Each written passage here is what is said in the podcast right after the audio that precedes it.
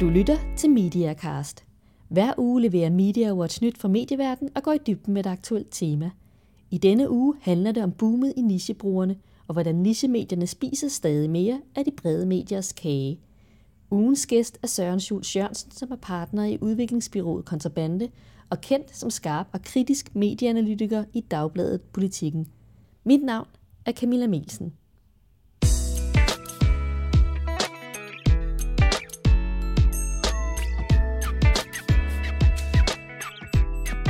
Men først skal vi se på nogle af ugens vigtigste medienyheder. Ole Nørskov, du er chefredaktør for MediaWatch.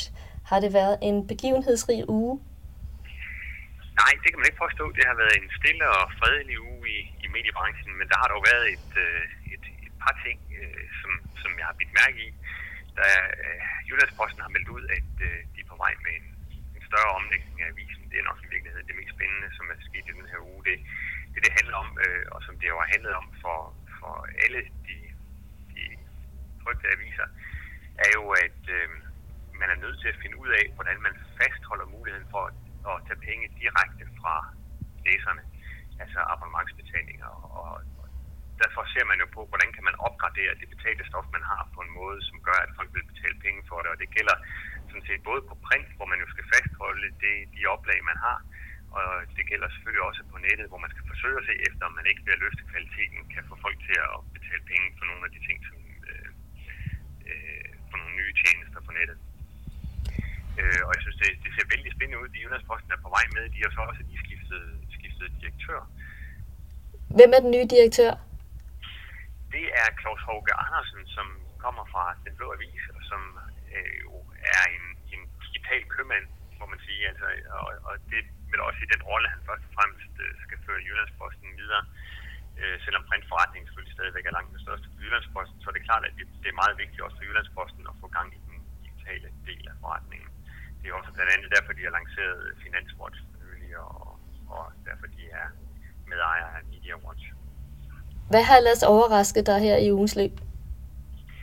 Jeg synes ikke, at der har været voldsomt store overraskelser i ugen. På Media Watch har vi kigget lidt nærmere på, øh, på brugen af nogle af de store udenlandske webtjenester. Det har været lidt spændende. Øh, det ser ud som om, at brugen af Facebook måske har toppet. Ikke forstået på den måde, at der ikke stadigvæk er kommet brugere til. Facebook er faktisk stadigvæk vokset øh, i antal brugere, månedlige brugere gennem de, gennem det seneste år. Så, så Facebook nu er helt op på at nå 2,6 mere end 2,6 millioner danskere hver måned. Øh, det er jo et voldsomt stort tal. Også set i forhold til øh, de største danske sites. Øh, men, øh, men det, der er sket, det er, at øh, tidsforbruget, som den enkelte bruger øh, lægger på Facebook, er dalet. Så det ser ud som om Facebook måske har toppet, hvad det angår. Og hvad med Twitter? Twitter er stadigvæk en lille spiller, øh, og det er faktisk lidt sjovt med Twitter, fordi selvom Twitter er en, er, er en lille put, som jo altså måske kun lige akkurat kunne klemme sig ind i, i top 100 over, over de største danske sites, øh, og det er jo ret lille i forhold til Facebook og YouTube, som gigantisk men, men det ser ud som journalisterne virkelig elsker Twitter, for Twitter bliver faktisk omtalt mere i de danske medier, end for eksempel YouTube gør, selvom YouTube er mange gange større.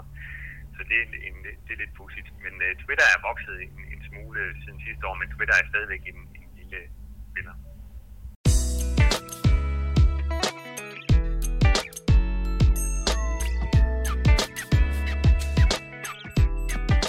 Nichemedierne vokser.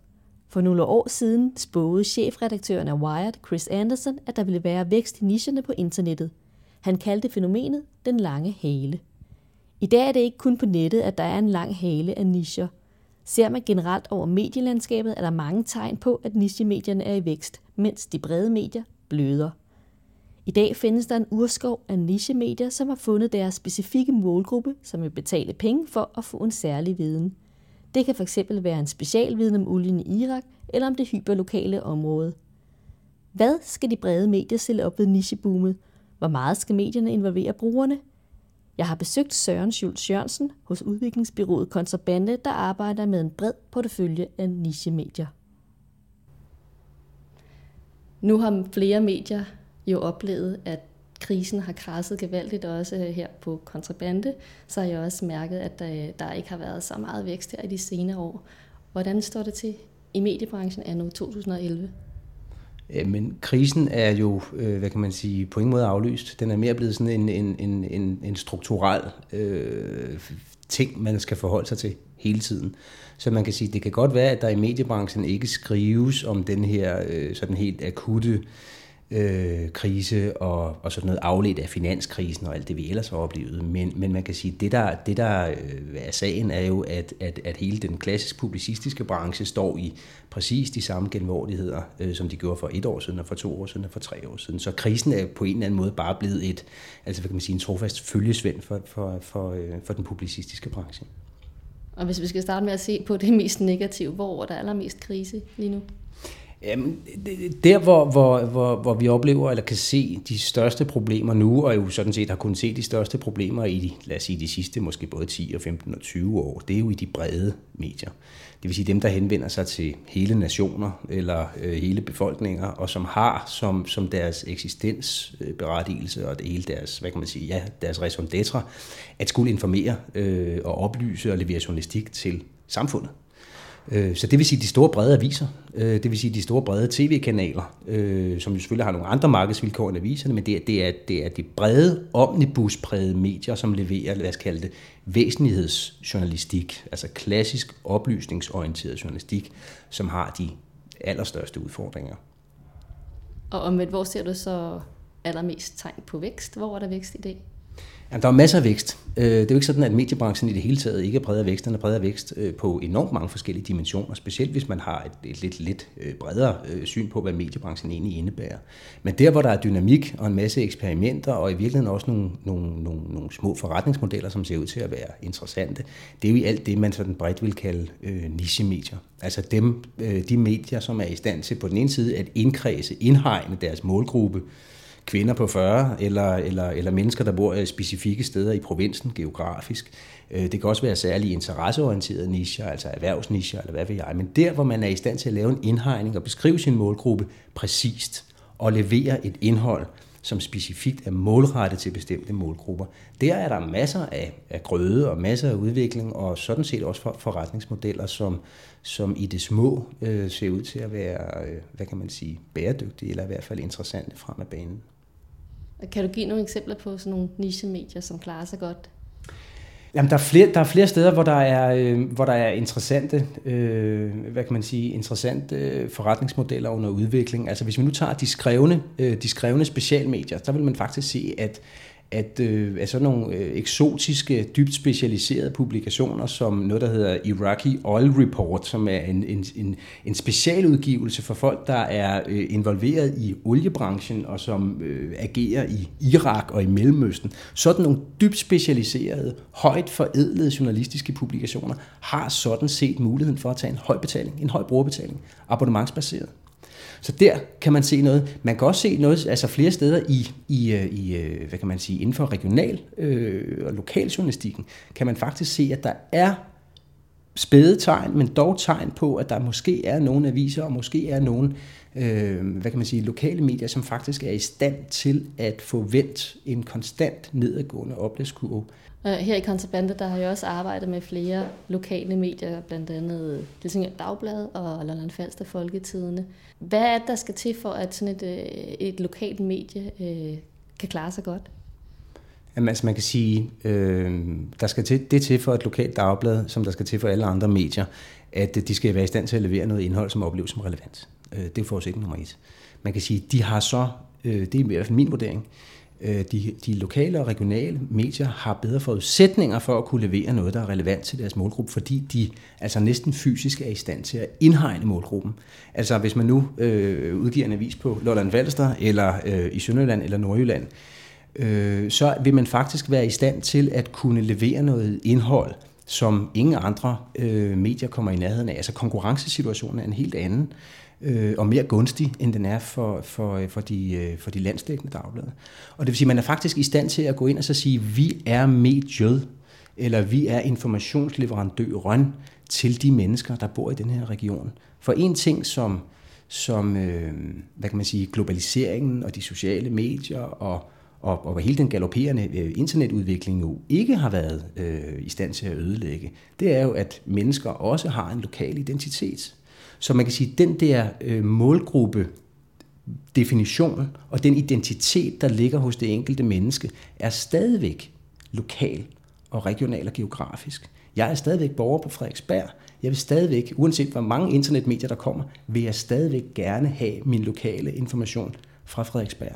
Og det er der relativt få medier, der kan levere til mig. Og de medier, der er i stand til at levere ikke bare klassiske nyheder, øh, men også servicestof, forbrugerstof, øh, information om, hvornår de offentlige institutioner holder åbne, og kan give mig mulighed for selv måske endda at producere indhold. Altså hele den der palet af både brug af information og produktion af information. Hvis de lokale mediehuse er i stand til ligesom at blive, hvad kan man sige, knudepunkt for alt den her form for lokale informations øh, trafik, så har de faktisk muligheden for, øh, med et helt andet udgangspunkt end stort set alle andre medier, at blive attraktiv. At blive attraktiv for brugerne. Og det er noget helt andet, der gør sig gældende for, lad os sige, de store landsdækkende morgenaviser, som jo ikke kan indkredse deres målgruppe, i hvert fald ikke på samme måde. De kæmper hele tiden med at finde ud af, hvem deres kernelæsere og deres kernebrugere er.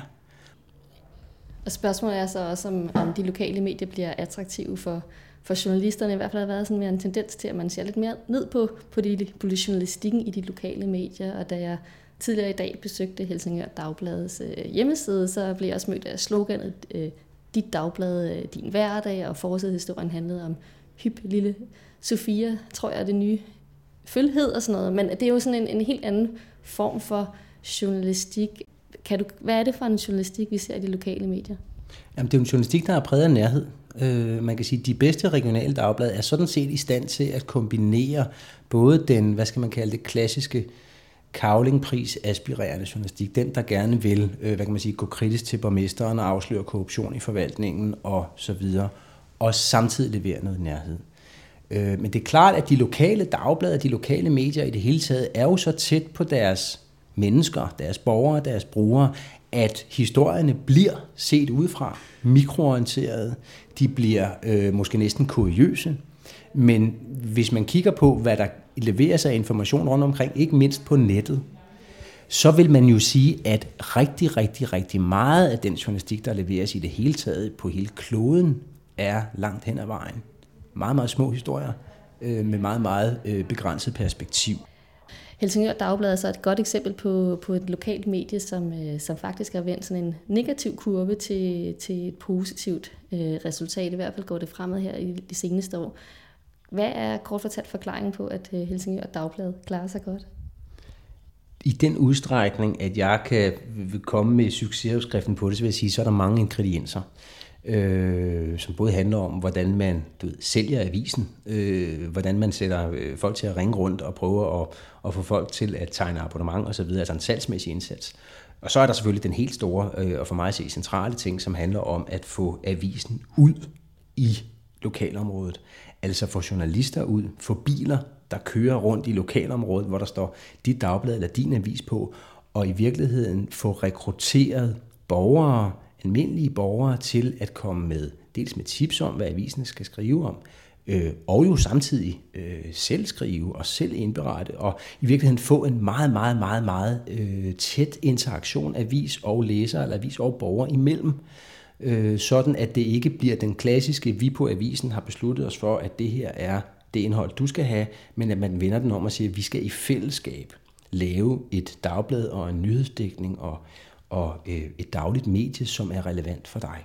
Så man kan sige, at det handler enormt meget om at få skabt øh, den, altså at avisen, men du skal ikke bare have hele regionen ind i avisen, du skal også have avisen hele vejen ud i regionen, altså ud i lokalsamfundet, ud at være synlig, ud at beskæftige sig med ting, ud at møde mennesker, og du skal have gjort de mennesker, der tidligere bare var læsere, du skal også have gjort dem øh, til, til bidragyder og så videre. Og det er jo ikke nogen ny erkendelse. Altså det er jo, det er jo, det er jo øh, øh hvad kan man sige, brugergenereret indhold er jo en både 10 og 15 år gammel øh, pointe, men, men vi kan se altså rundt omkring, at, at de gamle medier, i hvert fald på regionalt niveau, arbejder ekstremt meget med den her strategi. Øhm, og det er stadigvæk en strategi, som, som, øh, som ser ud til at have et vist potentiale for sig i hvert fald. Men man, ja, man har netop talt om brugergenereret indhold og også borgerjournalistik i rigtig, rigtig mange år, men det er sådan ikke rigtig battet, det er ikke rigtig slået igennem. Men Hvornår tror du for alvor, at man kan sige, at nu bliver borgerjournalistik en succes og et, og et vækstpotentiale? Men jeg tror sådan set, at vi har begået den fejl, alle os, der har været helt eller halvt involveret i, eller kigget på, hvad der er foregået i mediebranchen de sidste 10 år, at vi har gået og ventet på the next big thing. Og jeg tror ikke på, at der kommer en ny stor ting, øh, som med et trylleslag ligesom øh, forvandler øh, dagbladsbranchen øh, til en vinderindustri. Jeg tror ikke, det lader sig gøre. Jeg tror, at der vil være nogle steder, hvor man helt partikulært er i stand til at lave øh, mojo, øh, mobiljournalistik helt ude i lokalmiljøet. Så vil der være andre steder, hvor man ikke kan. Så vil der være nogle steder, hvor man skal sælge øh, hvad vil jeg, altså som politikken plus gør det, skal sælge designerkrus og lamper for at overleve. Og andre steder skal man øh, tegne dyre abonnementer på, på særlige iPad-versioner. Jeg tror, vi kommer til at se, at forretningsmodellerne bliver enormt meget mere, øh, hvad kan man sige, specialiseret og sammensat af en hel masse forskellige aktiviteter, så at vi ikke har set det store gennembrud for, lad os kalde det, det brugergenererede indhold, øh, Øh, skyldes kun, at vi i virkeligheden har gået og ventet på et stort gennembrud. Jeg mener sådan set nok, det er der, men det er et, et gennembrud, som, som viser sig øh, på en måde et sted, og på en anden måde et andet sted. For hvis vi kigger på aviserne i dag, og hvordan de er struktureret i dag, og sammenligner med for 10 år siden, så vil man sige, at de er i dag langt, langt, langt mere præget over en bred bank. Langt mere præget af, at de har fået deres brugere og deres læsere til sådan set at involvere sig i avisen. Spørgsmålet er, hvem der kan tjene penge på det. Og det er der så nogen, der kan lidt, og nogen, der slet ikke kan, og nogen, der måske forhåbentlig øh, kan meget, men, men jeg tror ikke, vi vil få en, en sådan universel, øh, et universelt gennembrud for for eksempel det brugergenererede indhold som en, en, en forretningsmodel, alle bare kan bruge. Og hvis, hvis uh, nichemedierne de vender frem, hvor, hvor stiller det så de, de brede klassiske medier? Jamen, de brede klassiske medier, hvis man nu skal tage de pessimistiske briller på, og det kan jeg da godt lide at gøre en gang imellem, så vil jeg sige, at, at de, brede, de brede medier, hvis vi nu tager de store landstækkende dagblade, vores formiddagsaviser, øh, og også i en vid udstrækning, vil jeg sige, altså de store brede mainstream-kanaler, TV2 og, den, og DR1, altså har jo på mange måder et, et, øh, et eksistensproblem. Øh, simpelthen fordi det, de selv mener, de er sat i verden for, og som vi langt hen ad vejen jo også bør hylde dem for, at levere god, bred samfundsnyttig oplysning til, til, til samfundet, at den der formidling er ikke længere så attraktivt set med brugernes og borgernes øjne. Øh, vi er meget mere partikulære som mediebrugere øh, i dag, end vi var for 15 år siden. Det vil sige, at vi søger hen imod det, der giver en individuel nytte, en individuel tilfredsstillelse, en individuel, hvad skal vi kalde det, værdi umiddelbart. Og der vil den brede nyhedsformidling, den vil simpelthen have et, øh, den har et, et enormt problem, og den vil ikke få et mindre problem fremover. Og hvad vil du så anbefale de brede medier, de skal gøre for at komme over den her eksistenskrise? Jamen altså, øh, spørgsmålet er, om de kan gøre så meget andet end det, de gør nu. Altså, øh, jeg, har, jeg, har, jeg har sådan set meget stor respekt for alle de forskellige øh, tiltag, som gøres i de store mediehuse i, i, i de her år, fordi det er da ikke, fordi der ikke bliver eksperimenteret. Det er da ikke, fordi der ikke forsøges med alle mulige ting. Og det er jo alt fra i virkeligheden at skære ind til benet organisatorisk, at lægge redaktioner sammen, at, at lave fællesstof, som sendes ud i... Det kan, Berlingske Medier er jo ekspert i i virkeligheden at slå en masse redaktioner sammen og lave fællesstof osv. Og hvad er det et udtryk for? Er det et udtryk for, at man, man vil skærpe journalistikken? Øh, nej, det er sådan set et udtryk for, at man rationaliserer. Og det er jo sjældent, at man får en meget stor innovativ gevinst ved bare at rationalisere, men det bliver de nødt til.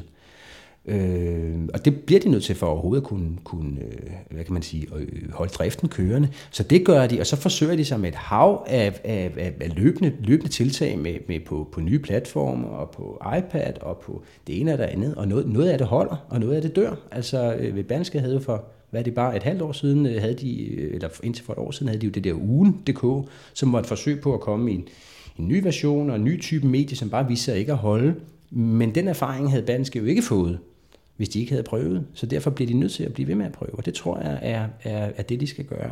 Men når dagen er om, så tror jeg, at de alle sammen må erkende, at ideen om, at man kan præsentere sig selv som værende det store brede tilbud, altså et brand, som er leverer det store brede tilbud til alle danskere øh, om at holde sig bredt orienteret, at den position er simpelthen ikke mulig at tjene penge på. Altså, så der vil Berlingske, Berlingske Media vil skulle leve af en masse specialiserede subbrands dybest set, TV2 vil ikke i længden kunne opretholde en, en, øh, en stærk markedsposition, hvis de bare havde øh, den store brede TV2-kanal. Altså, de bliver nødt til at have TV2 Zulu og TV2 News og andre specialiserede outlets som de kan kommunikere til delmålgrupper i.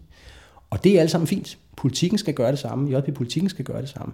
De går ud og specialiserer deres tilstedeværelse over for nogle specifikke målgrupper. Det er kun godt, fordi så kan, de holde, så kan de holde sig kørende og holde sig flydende. Men det vi taber, og det er ikke lige nu i hvert fald kan se, at vi, at vi kommer til at finde en redning på, det er i virkeligheden, hvordan vi sørger for at få skabt, øh, hvad kan man sige, at få, få øh, fastholdt den kvalitetsorienterede, brede, offentlige øh, formidling, altså journalistik. Den journalistik, som har bundet, øh, sådan groft sagt, bundet samfundet sammen.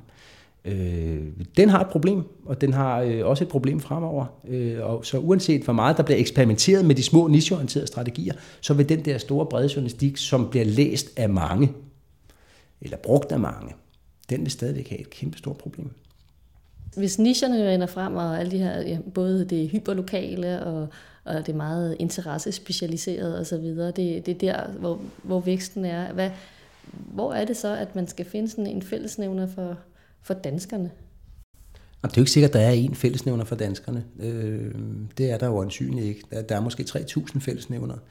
Øh, men man kan sige, at det der jo øh, tidligere var tilfældet, det var, at, øh, at der var relativt få medier, vi kunne bevæge os ind i, og så så vi alle sammen den samme landskamp, og vi øh, så nogenlunde den samme preskonference med nogenlunde den samme statsminister.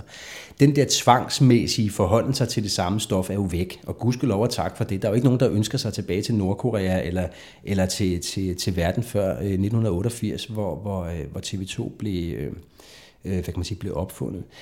Øh, jeg tror i hvert fald, at vi har befundet os i en, i en periode i næsten 100 år, hvor dagbladene øh, og, og alle mulige andre typer af medier har kunnet levere det fælles stof, det væsentlige stof, og samtidig kunne tjene annoncekroner på det, og abonnementskroner på det.